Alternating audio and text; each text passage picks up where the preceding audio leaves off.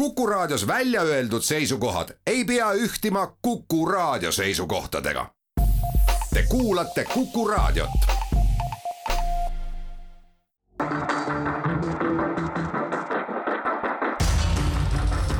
muuli ja Aavik. muuli ja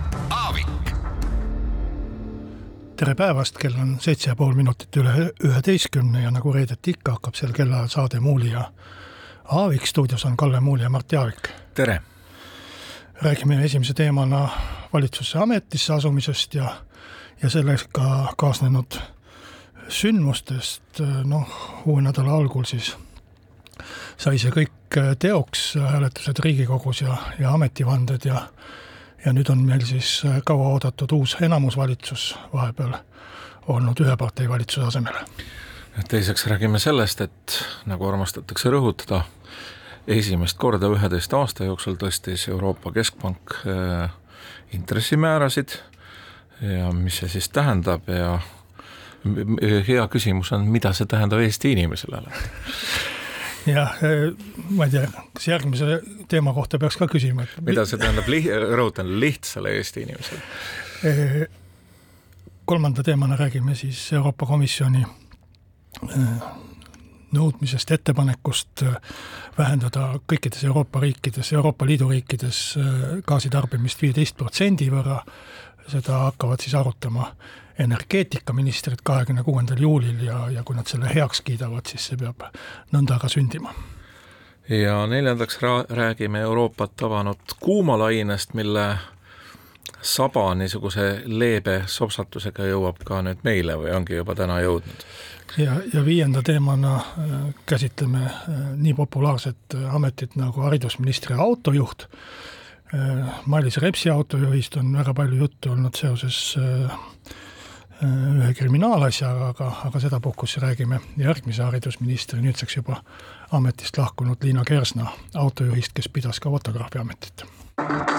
muuli ja Aavik. aga enne, kui me teemade juurde läheme, pean ma tegema ühe enda tausta puudutava avalduse, sellepärast et et kuulajad teaksid valvsad olla. nimelt olen ma lõpetanud oma rantjeeelu ja, ja asunud äh, Eesti riigi teenistusse, kui väga täpselt ütelda, siis vist olen äh, väliskaubandus- ja infotehnoloogia ministri nõunik ja, ja kõik äh, kuulajad, kes saates vähegi ku-, kuulevad, et ma kuidagi valitsust kiidan, ministrit kiidan või, või, või selle teemade, teemadega seoses sõna võtan, peaksid siis arvestama, et see on seotud minu töise tegevusega ja ma saan selle eest palka. aga räägime nüüd siis sellest samast valitsusest, mille noh, kaudselt palgale ma sel nädalal asusin. kõik möödus kuidagi väga sujuvalt kisa-kärata, president ilmus Riigikogusse ülikonnas, mitte pusas. ei lahkunud ühegi ministri ametivande ajal saalist ja, ja, ja tundub, et noh, ei olegi justkui nagu millestki rääkida uue valitsuse puhul, kui poleks olnud võib-olla, et äh, töö- ja terviseministrit Peep Petersoni, kes nüüd on selgunud. Sa tahad ikka nii pealiskaudne olla, rõivastusest rääkida ja nii edasi ja ma rõhutan. ja, ja meeste rõivastusest. jah, et ma rõhutan, et kui oleks olnud naispresident, siis sa oleks kindlasti riietest rääkinud, eks. absoluutselt. aga jah. palun, palun. et tõepoolest hämmastav lugu ja, ja küllaltki ootamatu, et mis ta siis on, tervise- ja sotsiaalkaitseministri Peep Petersoni ümber on äh, tekkinud nii palju erinevat kisa-kära, et tegelikult oleks oodanud, et äh, et kogenud sotsiaalpartneri esindaja algus on kuidagi selline vaata, et kõige professionaalsem, sellepärast et lõpuks on ta ju paljude nende teemadega tegelenud nii Haigekassa nõukogus kui kui kus kõik veel, eks ole. töötukassa ja mis nende nimed tänapäeval on üldse, äkki on Tervisekassa ja ja Töökassa? noh, eks see valitsemise hea tava, mida siis väidetavalt äh, Peep Peterson sellel ministri ametikohal, töö- ja tervishoiuministri ametikohal võib-olla, et äh, rikub, ole ju suhteliselt uus äh, dokument. ja, ja me võime ka siin saates arutada selle üle, et kas sellist, sellist reeglit, et mingi lobigrupi esindaja, noh, Peep Peterson siis ametiühingu juhid, juhina ehk siis töövõtjate huvide kaitsjana, et kas sellist reeglit on üldse vaja, et ta ei või siis neid samu asju otsustama hakata või, või ministrina ametisse, sellisele ametikohale asuda, et ma oleksin sellisel kõhkleval ja kahtleval seisukohal, on poolt- ja vastuargumente, et ühest küljest noh, see on õige reegel, et ma saan aru selle reegli mõttest ja põhjendatusest, aga aga nii väikses riigis nagu Eesti võtta, võtta selliste suurte riikide reegleid üle, meil on, kui ma minevikku tagasi vaatan, ajal, kui seda reeglit veel ei kehtinud, olnud ju küll ja küll selliseid inimesi, ka samal ministri ametikohal, kes on olnud varem haiglajuhtideks või, või, või mingisugustel äh, muudel noh, lobigrupina või huvigrupina tõlgendataval ametikohal, et meil on nii vähe inimesi, et lõppude lõpuks ei olegi kedagi ametisse panna, niigi kiruti, et, et äh, erakondade pink no, on no, lühike ja pole, pole ministreid ja nii edasi. et probleem iseenesest on ju tõsine, et, et võtame võtame selle asja niipidi, et keegi on minister või ministeeriumi kantsler, eh, saab ametist lahti ja järgmisel kuul või kahe kuu pärast on ametis näiteks eh, no ma ei tea, vastava ala tööstuse siis esindajana, teades peensusteni riigi argumente mingisugustes keerulistes vaidlustes ja seda, kes neid argumente loovad ja nii edasi ja nii edasi. et probleem on olemas ja seda on ju erinevates demokraatiates eh, lahatud ja arutatud ja lõpuks üks süüdistus, mis läbi aastakümnete eh, vähemalt loetu järgi on Ameerika poliitikas, ongi see, et vaat seal Washingtonis on üks kamp ja nad liiguvad siis lobifirmade, lobiasutustest poliitikasse eh, edasi-tagasi vastavalt sellele, kuidas valimistsükkel käib. nii et sisu on olemas sellel nõudmisel. aga teine pool on see, et et ma arvan, et see üles tõstetud nagu etteheide on konkreetsel juhul ikkagi imelik, et tõepoolest, nagu sa ütlesid, et äh, kust me siis neid inimesi võtame. Ja ma tulen korraks tagasi sinna selle näite juurde, et kui valitsusest läheb keegi ära, aga inimene peab ju sööma vähemalt. Eks inimesel on mingisugust töökohta ja tulu vaja, tõenäoliselt on ta selles samas valdkonnas töötanud, et, et siis me peaksime mõtlema mitte ainult eetikareeglitele, vaid sellele, kuidas siis kompenseeritakse seda, et äh, sul on mingisugune tööpiirang. noh, eraettevõttes on kuldsed raud- ra, või kuldsed käerauad ja nii edasi. ja kas me oleksime valmis äh, samasugusteks piirang, piiranguteks või kuldseteks käeraudadeks ka avalikus sektoris veel laiemalt, kui nad niigi on äh, et lõpuks ju ministrid, Riigikogu liikmed saavad mingisugust kompensatsiooni ja mitte väikest, eks ole, pärast ametist lahkumist. et äh, ma arvan, et see on päris tõsine küsimus ja see on äh, midagi, mil-, millest me näeme ühte seda teoreetilist poolt nagu avalikus diskussioonis, aga mina olen väga paljude inimeste käest kuulnud, et nad mõtlevad tõsiselt, et äh, aga ma olen võtnud selle tähtsa riigiameti vastu, aga mis minust saab pärast? Ja vot see küsimus peaks olema siis terviklikult lahendatud või nagu läbimõeldud äh, siin on, siin on muid aspekte ka veel, ma olen sinuga nendes argumentides ja selles jutus äh, nõus, aga, aga siin on veel ka selline asi, et meil on nii väike riigiaparaat ja nii väike hulk ka valitsuse liikmeid, et kui Inglismaal on neid kümneid ja kümneid, siis, siis Eestis on viisteist äh, valitsuse liiget. Ja, ja kõik otsused on niivõrd läbivalgustatud ka meedias, ikkagi suuremad otsused, et juhul oletame nüüd, et kui Peep Peterson või keegi teine tahaks teha mingisuguse väga oma valdkonna poole kaldu otsuse. no see, see oleks ju järgmisel päeval esiküljel, kõik lainetaks ja, ja, ja lõpuks tekiks küsimus usaldusest ja umbusaldusest, et, et äkki me jõuame nende inimeste järele ka muud moodi valvata, lihtsalt ole, olemasoleva meedia ja ja, ja avalikkuse äh, survega on üks asi juhul, kui nad teevad mingeid selliseid otsuseid, sest küsimus ei ole selles, et ta lihtsalt on ametis, vaid kas ta otsustab õiglaselt, erapooletult, sõltumatult, on ju e-, ennekõike tähtis ja et lähtudes riigi huvidest ja täites oma ametivannet, mida ta on ka ju andnud. et see on üks asi. Ja teine küsimus, mis mul tekkis nagu ministri puhul, on see, et meil on põhiseadus, seal on mingid asjad ette nähtud, millistele tingimustele minister ja, ja valitsus peavad vastama. Ja siis ei võeta vastu mitte nagu otseselt seadusi, mis piiravad, vaid äh, hea tava, selline kombestik, käitumine, noh, see, see meenutab umbes seda, et ei sülita maha ja ja, ja panen pikad püksid jalga, kui presidendi juurde lähen, aga no eh, ma arvan, et eks need head tavad on ju ka eh, lõppeks head tavad ja reeglid ja kõik, ma saan aru, millele sa vihjad, eks ole, et tal ei ole seaduse jõudu, aga need on ju tekkinud mitte selliste inimlikult arusaadavate või piiripealsete juhtumite näitel, vaid sellepärast, et osadel inimestel lihtsalt üldse ei ole seda eetilist kompassi ja neile tulebki meelde tuletada, et ära sülita maha ja ja kui otse ministri ametist ei lähe kuskile äh, ma ei tea, huvigruppi palgale, eks jah, et see juhtum muidugi tuletab meelde äh, veel ühe asja, mis on siis, kui me võtame vastu mingeid norme, kehtestame reegleid, keelame midagi ära, seda ju väga sageli nõutakse, aga nagu nüüd me näeme, mingisugune tava kehtis, aga ma väidan seda, et ega seda ei rikutud või, või seda, seda ei tehtud ju pahatahtlikult. et seda äh, Peep Peterson sinna asus äh, ametisse, ta ei, ju ei tahtnud kedagi petta, ta ilmselt ei tulnud selle pealegi, et, äh, et selline tava on olemas, no minister ei pea kõiki õigusnorme läbi lugema enne, kui ta, veel enne, kui ta üldse ametisse asub. ma arvan, et ka pea, peaminister ei tulnud selle peale president ei tulnud selle peale ja nüüd tagantjärgi, kui on inimene ametis, avastati see. et mida ma tahan ütelda, on see, et kui sa teed reegli, siis sa pead alati panema mingile ametnikule või leidma mingi ametniku, kes selle reegli täitmist kontrollib. ja ma arvan, et see asi sai juhtuda praegu tänu sellele, et kuskil peaministri büroos või Riigikantseleis või, või, või mingis ametiasutuses peaks olema üks inimene, kelle rolliks ja töö, üheks tööülesandeks on see, et ta siis kontrollib ministrikandidaate, vastab ta sellele hea tavale või ei vasta sellele hea tavale. aga see on ära unustatud ja sellepärast sellised asjad juhtuvad ja võivad ka edaspidi juhtuda. aga teeme siinkohal ühe väikse pausi ja arutame pärast seda veel, et mis siis nüüd teha, kui selline olukord on sündinud ja ja võib-olla räägime mõnest muust valitsuse nüansist veel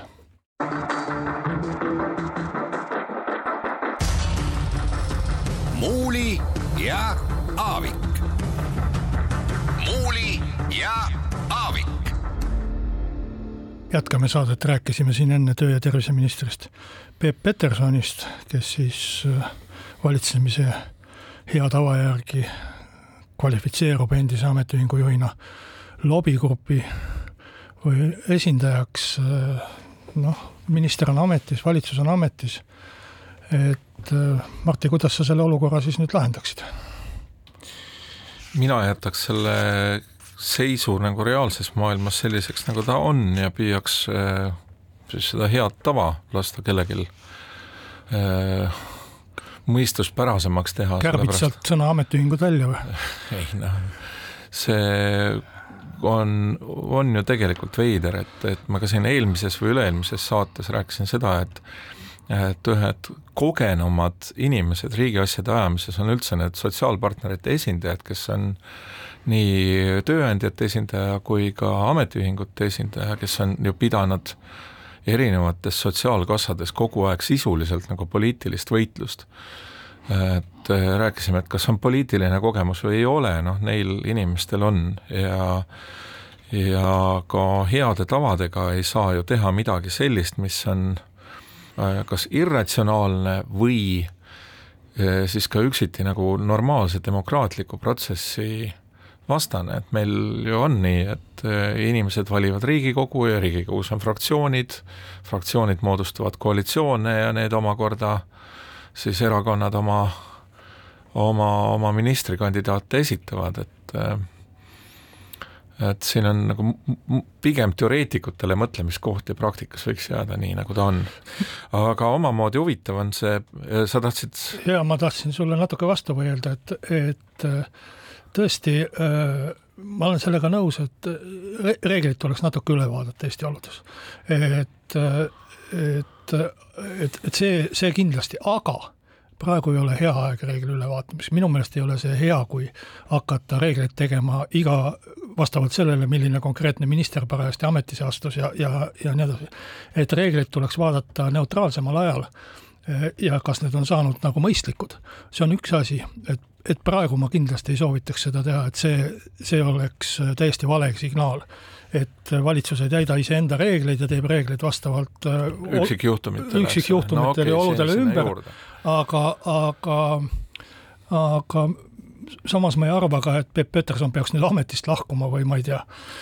peaksime uut valitsust hakkama moodustama pealekauba, et ma arvan, et peaminister peaks võtma siin initsiatiivi,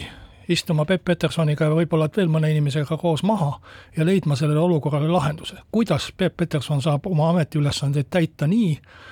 et ta ei peaks vastuollu minema nende reeglitega. kindlasti ei tohiks valitsus lubada seda, et neid reegleid rikutakse, kui need on juba kehtestatud ja kindlasti ei tohiks neid hakata väänama vastavalt sellele, eh, kuidas valitsusel parajasti vaja on. aga ma usun, et, et see lahendus on leitav ka äh, nii, et Peep Peterson jääb ametisse, reeglid jäävad kehtima, sest seal ministeeriumis on ju kaks ministrit, no vaadake neid tööülesandeid natukene, küsimus käib ainult tööküsimusi puudutavate äh, asjade kohta. et äh, siin tuleks tegutseda, et äh, mitte lihtsalt piirduda sellega, et noh, ajame natuke aega juttu ja küll see asi maha rahuneb aga noh, Peep Peterson on äh, tulnud välja ka huvitavate ideedega, üks on äh, äh, siis ettevõtlustulu maksustamine sotsiaalmaksuga, et mul on tuline kahju, et ma ise seda välja ei mõelnud, aga hea kolleeg Marek Strandberg ütles, et loogiliselt järeldades peaks kapitalist pärast kapitali kaotust hakkama saama riigi poolt siis ka toitjakaotuspensioni. Ja ettevõtte haigestumisel siis Haigekassa kaudu kuidagi midagi et äh, neid äh, põnevaid, põnevaid niisuguseid sotsia-, sotsialistlikke ideid tuleb ja teine asi on see, et äh, Peep Peterson on üks minister samas ministeeriumis, üks kahest ministrist samas ministeeriumis, aga juba on palganud endale sisuliselt aseministri, nagu ma aru saan. sa räägid Maris Jessest, kui ma õigesti aru saan? no just. kes siis on tema nõunik tervisevaldkonna äh, Äh, peal, noh, äh, maksuasjadega on ju nii, et äh, ega mulle sotsialistliku või Sotsiaaldemokraatliku Erakonna maksuideed ei, ei ole kunagi meeldinud, mitte ainult nii jõhkrad ideed, millest sina rääkisid, vaid teisedki. nii et noh, mul ei ole siin eriti midagi ütelda, aga ma arvan, et laiemalt et praeguses olukorras ükskõik millise maksuideega sa välja tuled, et see, see naerdakse ikkagi äh, igal juhul äh, mingi, mingi grupi või mingisuguse hulga inimeste poolt äh, välja, et ega meil siin selliseid lahendusi äh, ei ole olemas, mida rõõmuhõisetega terve ühiskond äh, vastu võtaks. Ja eks need ideed olegi praegu rohkem ikkagi teoreetiliseks aruteluks, sest valitsus on otsustanud, et ta maksu ei muuda või makse ei muuda äh, ja, ja, ja maksudest võib-olla peame rääkima siis valimiskampaania ajal, mida siis erakonnad pakuvad ja, ja, ja mis siis pärast valimisi hakkab saama, kui see on nii pakiline küsimus, aga aga tulles tagasi Maris Jesse juurde, noh, mis sa ütlesid, inimesed peavad sööma või kuidas sa seda sõnastasid meie eelmises saatelõigus? et kui sul on, kui sa oled tervisevaldkonna spetsialist riigiametites palju töötanud, et ja, ja, ja päris arstikutset või, või kirurgi kätt sul enam ei ole, et noh, kus sa siis pead töötama, et Eestis on riiklik meditsiin ikkagi valdav ja, ja, ja riik seda juhib et selles mõttes ma ei arva, et nüüd Maris Jesse peaks kuskile maha kandma või, või mõnda, mõnda, mõnda välismaa asutuse tööle saatma, aga samas ega selline, selline viis, nagu Peep Peterson selle palkamise tegi, ega ta on peaministri suhtes inetu. peaminister on väljendanud äh, oma rahulolematust paari juhtiva inimesega vaktsi-, vaktsineerimise ajal. Äh, ta on peaministri ja, ja jätkuvalt ametis oleva peaministri survel äh, sisuliselt lahkunud ja omavahel oleks võinud sellised asjad läbi rääkida, ma ei tea, võib-olla see on Peep Petersoni kogenematus, no küllap on. et et aga, aga kindlasti oleks, mina oleks igatahes peaministrit informeerinud, et see ei tuleks talle üllatusena, et see ei paneks teda ebamugavasse olukorda kuskil äh, valitsuse pressikonverentsil ja ta ei peaks hakkama va vastama, et noh, sellises viimse reliikvia stiilis, et mitu korda ma pean ühte naist tapma. Äh, et äh, noh, ütleme niiviisi, et sellised väikesed liivaterad ja kriginad jõuliselt paigalt võtva valitsus valitsuse rongi, rongi teekonnal jah, et sa lisa veel juurde, et see valitsus tõstab tomkratina Eesti heaolu või midagi tomkrat, kui tohib tõlkida, on, on tungraud vist Eesti. jah, kaksteist tooli või kuldvasikas, kummas see tsitaat ka esines. jah, aga ma arvan, et aeg on meil käes nüüd järjekordseks reklaamipausiks ja läheme sealt edasi siis juba tähtsate Euroopa Liidu ja Euroopa Komisjoni teemadega.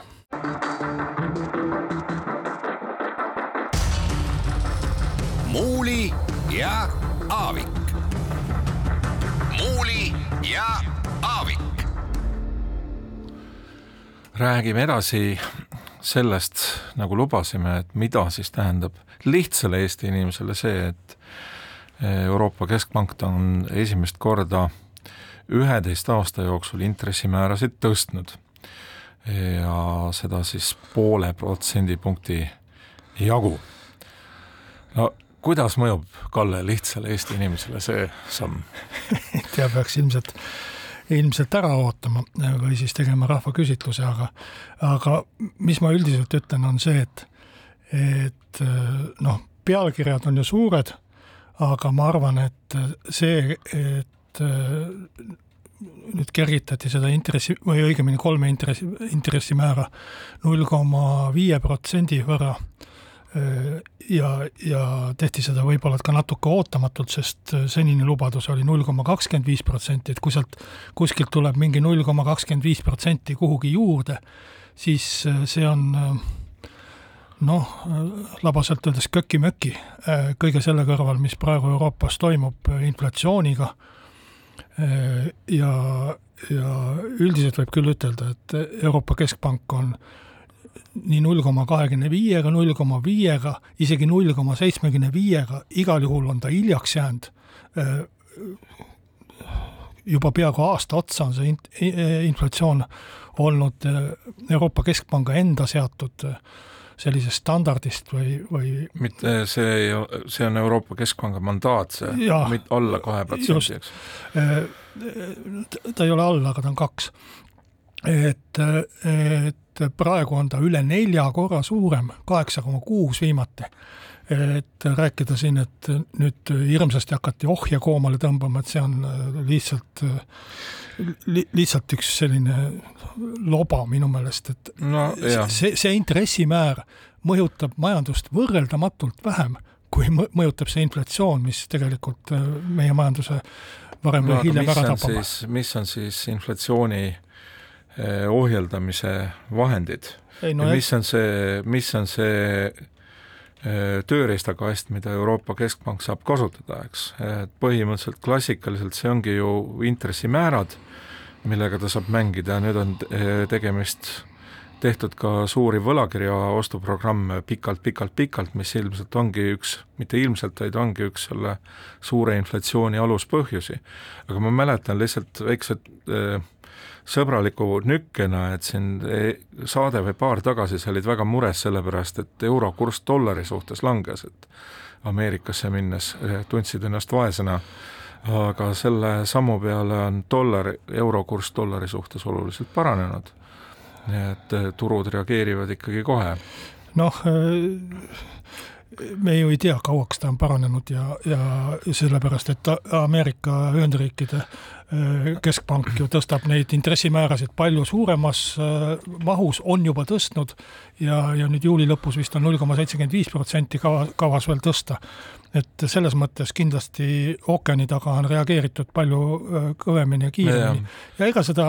kurssi nüüd ei mõjuta ainult intressimäärad, seal on ikka väga palju muid asju. kokkuvõttes nii palju, ma ei pea ennast mingiks majanduse ega riigirahanduse äh, ega rahanduse asjatundjaks, aga nii palju, kui ma olen majandusajaloost lugenud, et ega siis inflatsioonist ülesaamiseks ongi kas väga valus tee ja niisugune šokiteraapia, eks ole, metafoorselt öeldes, või siis see, et tasapisi talutakse seda inflatsiooni ja tõstetakse samal ajal intressimäärasid. ja kui meil on veel energiahindade ütleme, see sõjast põhjustatud värk on juures, siis väga raske oleks ka kujutleda, et sa tõmbad lihtsalt majandusel kõri kinni Äh, justkui karistuseks veel sinna sõjale ja, ja energiakandjate saadavusele. no on lisaks. ju olemas moodsaid majandusteooriaid, ma ei ole nendega tõesti detailideni kursis, aga õppinud inimesed kindlasti on, aga, aga mis üldiselt, üldjoontes räägivad ju seda, et et noh, põhimõtteliselt nagu olekski võimalik ennast juukseid pidi äh, õhku tõsta nagu Münchhausen, et muudkui trükime raha, elavdame majandust, selle peale majandus kasvab ja siis äh, trükime uuesti raha ja ma ei tea, no umbes selline jabur süsteem, mida tegelikult on ju praktilises elus praegu Euroopa Liidus rakendatud Euroopa Keskpanga poolt või Eurotsoonis. et noh, elu näitab, nüüd needsamad intressitõusud ja, ja see kohutav inflatsioon näitab ju seda, et tegelikult see teooria ei pea paika, nii ei saa elada. no nii on, aga paneme siia juurde veel selle, et me oleme kolmandas äh, koroonaviiruse aastas ja ma mäletan, et äh, inimesed, kes praegu inflatsiooni kiruvad, plaksutasid selle peale, et neid koroona sulgemisi maksti sisuliselt kinni. ja eks see on ju ka üks asi, mis annab no on andnud nagu tohutu tõuke sellele, et äh, tarbimine tootmine oli piiratud, äh, raha anti peale ja nüüd seda raha ongi inimestel käes ja siis me imestame, et kui tekib võimalus, inimesed tahavad selle eest midagi saada. ma räägin ühe, ma ei tea, on see lihtsa inimese jutt või, või mis, aga aga lihtsa Eesti inimese lihtsa Eesti inimese juttu. et oleme siin käinud äh, mõningates lähiriikides, ööbinud hotellides ja nii edasi ja mõtlesin, et läheks lastega ka Saaremaale. ja nii palju, kui mina neid hotelli ja ööbimiskohtade hindu vaatasin, siis olid need vähemalt samal tasemel, kui mitte kõrgemad, kui näiteks see, mida ma kogesin Rootsis ja ega ka restoranide või väljas söömine ei ole tingimata odavam ja tegelikult on see üks selline asi, mis ajab nagu juhtme kergelt kokku, sellepärast et palgatasemed meil ei ole ju samasugused, nagu Rootsis on. aga teenuste hin-, hinnad on täiesti minu meelest laes, et võib-olla ma olen halvasti otsinud ööbimiskohti ja muud, aga aga siseturism küll ei ole odav asi. ja näiteks. nüüd, ja nüüd me peame ette kujutama, et null koma viie protsendine intressimäärade tõus nagu muudaks seda olukorda Eestis, kus inflatsioon ei ole mitte kaheksa koma kuus nagu Eurotsoonis keskmiselt, vaid kakskümmend kaks ja, ja varsti on seal koma kuus otsas ka, aga, aga aga noh, rõhutagem ka, et et ega see ju kõiki kaupu ei puuduta, eks ole, et, et lihtsa inimese lahendus peaks olema ikkagi, ma olen tegelikult olen ma olnud äh, läbi aastate tohutus hämmingus, et äh, tihtipeale ma saan aru inimestest, kellel on päriselt raske, aga ma olen näinud ka seda, kuidas äh, esimesed nutulaulu lahtilaskjad on need, kelle tulud on väga head, aga nad ei ole absoluutselt harjunud nagu sellega, et, et inimene peabki aeg-ajalt püksirihma pingutama, kokku hoidma, võib-olla saab kodus ka keerata temperatuuri natukene madalamaks ja nii edasi, eks ole, ja siis mina, kes ma seda kõike teen eh,, nagu mõis-, mõistlikke kokkuhoiumeetmeid eh, rakendan, eks ole, peaksin kuidagi tulema eh, maksumaksjana ja sotsiaaltoetuste kaudu appi nendele inimestele, kes seda ei tee, kuigi nad ka saaksid et vot see ei mahu mulle pähe. no kõik need koroonad, mida sa siin mainisid ja, ja Ukraina sõda, mida sa ei maininud, et need kindlasti annavad oma mõju ja, ja mõni suurema, mõni väiksema aga, aga kui sa alustad sellest, et üle üheteistkümne aasta tõsteti intressimäärasid esimest korda, siis noh, sel ajal ei olnud äh, Ukraina sõja mõju kindlasti selline ja koroonast ei teatud üldse mitte midagi et tegelikult see aluspõhi on ikkagi rahatrükk, Euroopa Keskpanga selline, selline nõus, poliitika üle,. ülejäänud asjad lisavad ja, juurde. ja, ja, ja ütleme kõva häälega välja, et Euroopa Keskpank on tegelikult läbi kukkunud ja, ja, ja veider on see, et keegi ei nõua Christine Lagarde'i, Euroopa Keskpanga presidendi tagasiastumist. aga noh, mis see nüüd Eesti jaoks tähendab?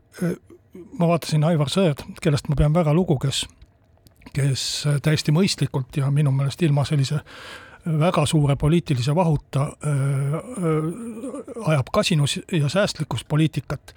äh,,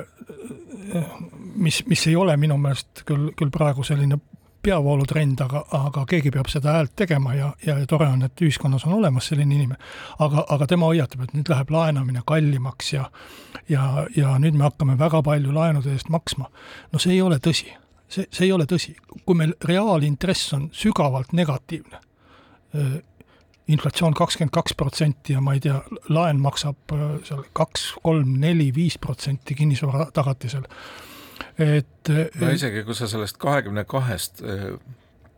võtad poole maha, sellepärast et see tarbijahinnaindeks ei ole võrreldav, eks ole, sinu ja. toodud näidetega, mida sa saad laenu eest tarbida, isegi siis on reaalintress sügavas nii et, nii et ma arvan, et kõik need hinnad, mida sa siin nimetasid, et need vohavad täiesti rahulikult edasi ja see olukord kehtib edasi. Ja, ja ma arvan, et äh, vähemalt selle plaani järgi, mis praegu Euroopa Keskpangal on, et kuskil sügisel veel natukene äh, midagi tõsta, et selle plaani järgi vähemalt need meetmed ei mõjuta küll no. oluliselt. aga võtame, võtame nüüd teise poole, et äh, me vist jõuame ka siin selle gaasitarbimise juurde, eks ole, mis lööb Saksa majandust, Saksa majandus läheb langusesse, selle kaudu tema teised allhankijad ja erinevate ahelate pidi ka Eesti ja Eesti inimestel järsku ei, tuleb töökaotus ja järsku ei olegi raha ja nii edasi, et et, et me ei saa ju ometi seda ka soovida, et, et kõri täiesti kinni tõmmataks või, või et tuleks, tuleks selline järsk eh, pidurdus tervele Euroopa majandusele. ei taha, ma ei taha küll kõlada apokalüptiliselt või, või sellisest katastroofi kraaksuvalt, aga aga ma arvan, et see inflatsioon tõmbab seda kõri palju rohkem kinni kui see, kui tõsta intressimäärasid või lõpetada rahatrükk ära, mis nüüd vist enam-vähem on lõpetatud, aga täpselt aru ei saa. justkui lubatakse ikkagi Lõuna-Euroopale ka midagi. et äh, väga keeruline olukord on tegelikult äh, ju Euroopa Keskpangal loovida läbi selle kahe kari vahelt, ühest küljest see, et Lõuna-Euroopa pankrotti ei läheks intressimäärade tõusuga ja, ja teisest küljest, et inflatsioon kogu Euroopa majandust ära ei tapaks. ja, ja Eestil on siin olukord muidugi veel hullem, aga ma arvan, et, et see intressimäärade tõus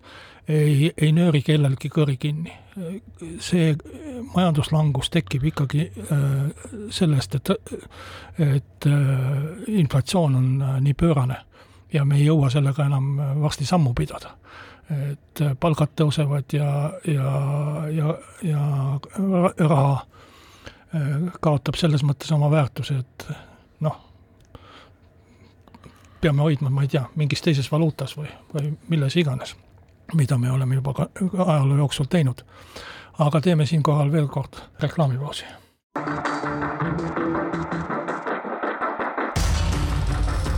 Muuli ja Aavik. muuli ja Aavik. jätkame saadet Mart Jaavik ja Kalle Muuli.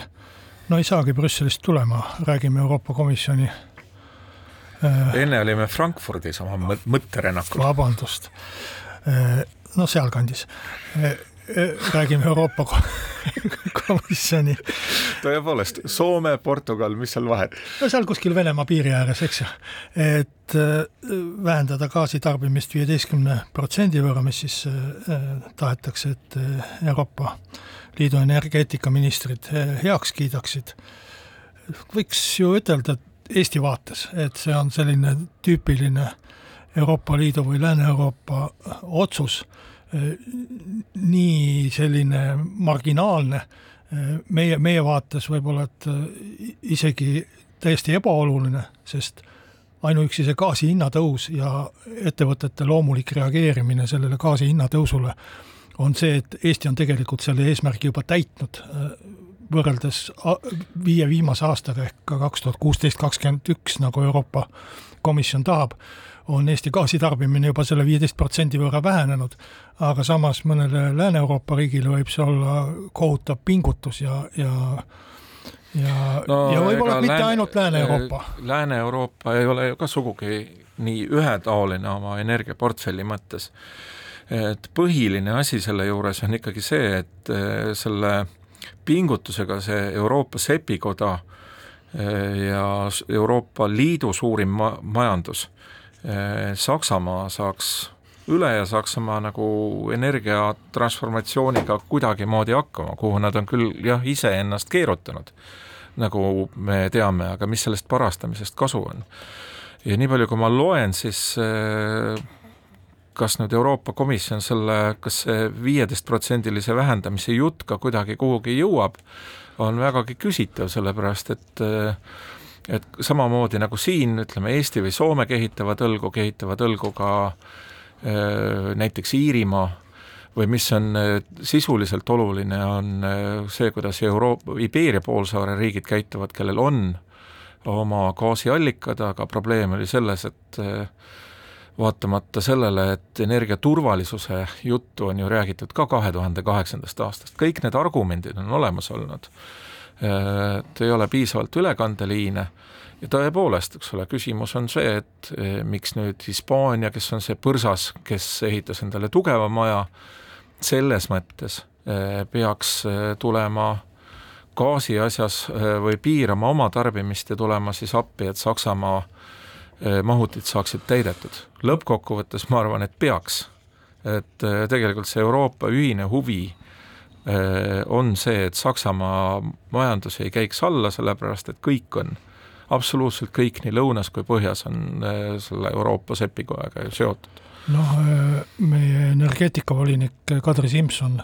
ei väsinud vist seda teadet ja ettepanekut kommenteerimast äh, sõnadega solidaarsus ja solidaarsus. no aga noh, see ongi häda, et, et rõhutakse solidaarsusele, aga siin peaks olema ju veel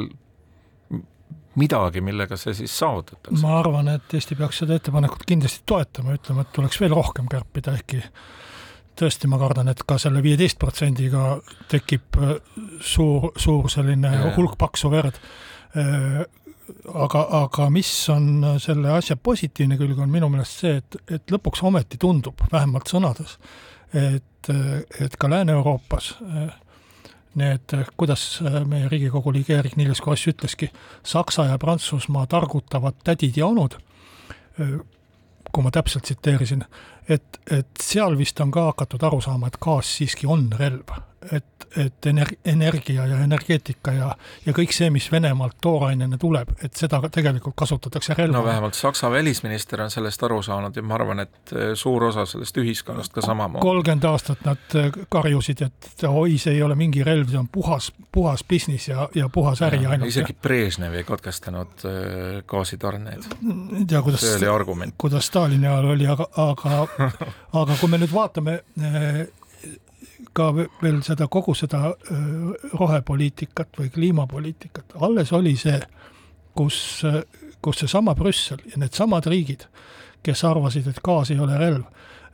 sulgesid oma tuumajaamasid ja tahtsid, et gaas oleks üleminekukütuseks või, või üleminekuenergiaks mm. siis teel sellele, et me elame päikesest, õhust ja armastusest ainult.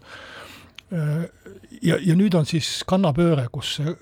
gaasi peame vähendama ja, ja avame pruunsööjaamu, kivisööjaamu, ütlen ausalt, et minu meelest Eesti võiks rahumeeli võtta kasutusele põlevkiviõli ja selleks ei pea meie kohalikud omavalitsused lolli, lolli mängima ja hädaolukorda välja kuulutama. kahtlemata tulekski teha, et see on ju, lõppeks on iseenesest on rohepöörde eesmärgid ja, ja süsiniku heite vähendamine või kasvuhoonegaaside heite vähendamine, kõik on õiged eesmärgid. aga kui seda saavutatakse viisil, et äh, energiaturvalisus jääb täiesti kõrvale, äh, et kaevandamised ja muud äh, asjad toimuvad sellistes riikides, kus keskkonnanõuded ei ole niisugused, nagu nad on USA-s, Kanadas või Lääne või ütleme, Euroopas, kaasa arvatud siis siin meil, siis see ei ole ju kokkuvõttes mingisugune Äh, tore globaalpoliitika, tuleb vaadata ikkagi iseennast ja tuleb vaadata, et äh, ei jääks see energia äh, ütleme siis piltlikult öeldes, kokkuvõtlikult öeldes rohepööre tegemata, aga, aga selle juures nagu teha nägu, et kui me ostame kusk-, asju kuskilt autoritaarsetest riikidest, et siis on kõik hästi. no ei ole ju. ja Eestis on sellest ilmselt üldjoontes kogu aeg aru saadud, aga, aga no ei tea, eks seda retoorikat ole ka sellist ja, ja teistsugust olnud, aga aga majandusminister Riina Sikkut ja, ja keskkonnaminister äh, taevas alasta, ma ei suuda nime ütelda praegu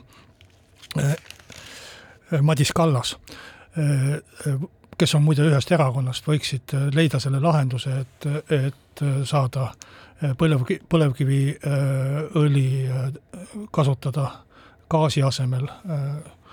ka nii, et me ei peaks äh, tõesti hakkama kohalikes omavalitsustes hädaolukorda välja kuulutama ja muid igasuguseid seadusandlikke trikke teha, et võiks nagu mõistuspärasemalt seda asja